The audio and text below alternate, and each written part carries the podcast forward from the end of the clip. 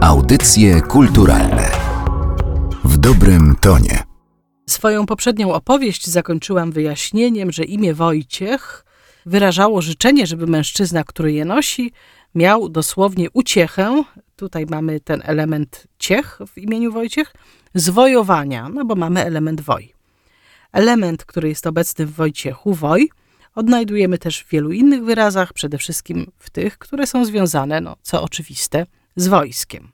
Samo słowo wojsko, co ciekawe, było kiedyś przymiotnikiem. Jego przodek, powstały jeszcze w języku prasłowiańskim, wywodzi się od rzeczownika woj, oznaczającego tyle co polski woj, czyli wojownik, i ten właśnie wyraz to był przymiotnik, który brzmiał wojsk. I właśnie formą rodzaju niejakiego był wyraz wojsko. Wojsk to był rodzaj męski i znaczył dosłownie związany z wojownikiem. Wojska to był rodzaj żeński, znaczący właśnie związana z wojownikiem, a wojsko rodzaj nijaki. Inaczej mówiąc, dawniej wojsko odpowiadało na pytanie jakby jakie, czyje i miało treść taką należące do wojownika, dotyczące wojownika, woja. Później ten przymiotnik się urzeczownikowił, no i dzisiaj oczywiście wojsko to rzeczownik. Z tą rodziną wyrazów ma też związek słowo wojewoda.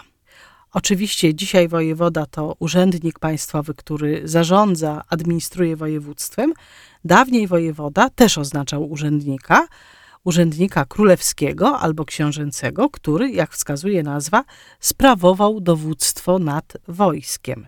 Mamy tutaj dwa elementy: woj, dotyczący wojska, i wodz, ten sam, który jest obecny w czasownikach wodzić, wieść, no, które znaczą tyle co prowadzić. Inaczej mówiąc, wojewoda był osobą, która woje wodzi, czyli przekładając na język współczesny, wodzi wojsko, prowadzi wojsko. Pozycja wojewodów była bardzo silna, co nie dziwi, no, skoro mieli oni za sobą wojsko. I w czasach jagiellońskich ich rola, w stosunku oczywiście do wcześniejszych czasów, zmieniła się bardzo. Otóż wówczas, to znaczy za Jagiellonów, wojewoda zaczął zajmować się sprawami niezwiązanymi z wojskiem, a właściwie związanymi nie tylko z wojskiem. W zakres jego obowiązków wchodziło zwoływanie wieców, przewodniczenie sejmikom, mianowanie niektórych urzędników, ustanowienie podatków czy wydawanie glejtów.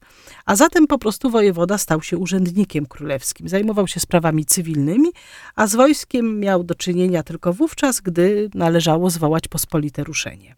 I w zasadzie taki charakter ma wojewoda dzisiaj. Jest urzędnikiem odpowiedzialnym za sprawy swojego terenu, czyli województwa, a o jego dawnym związku z wojskiem przypomina tylko nazwa. Audycje kulturalne w dobrym tonie.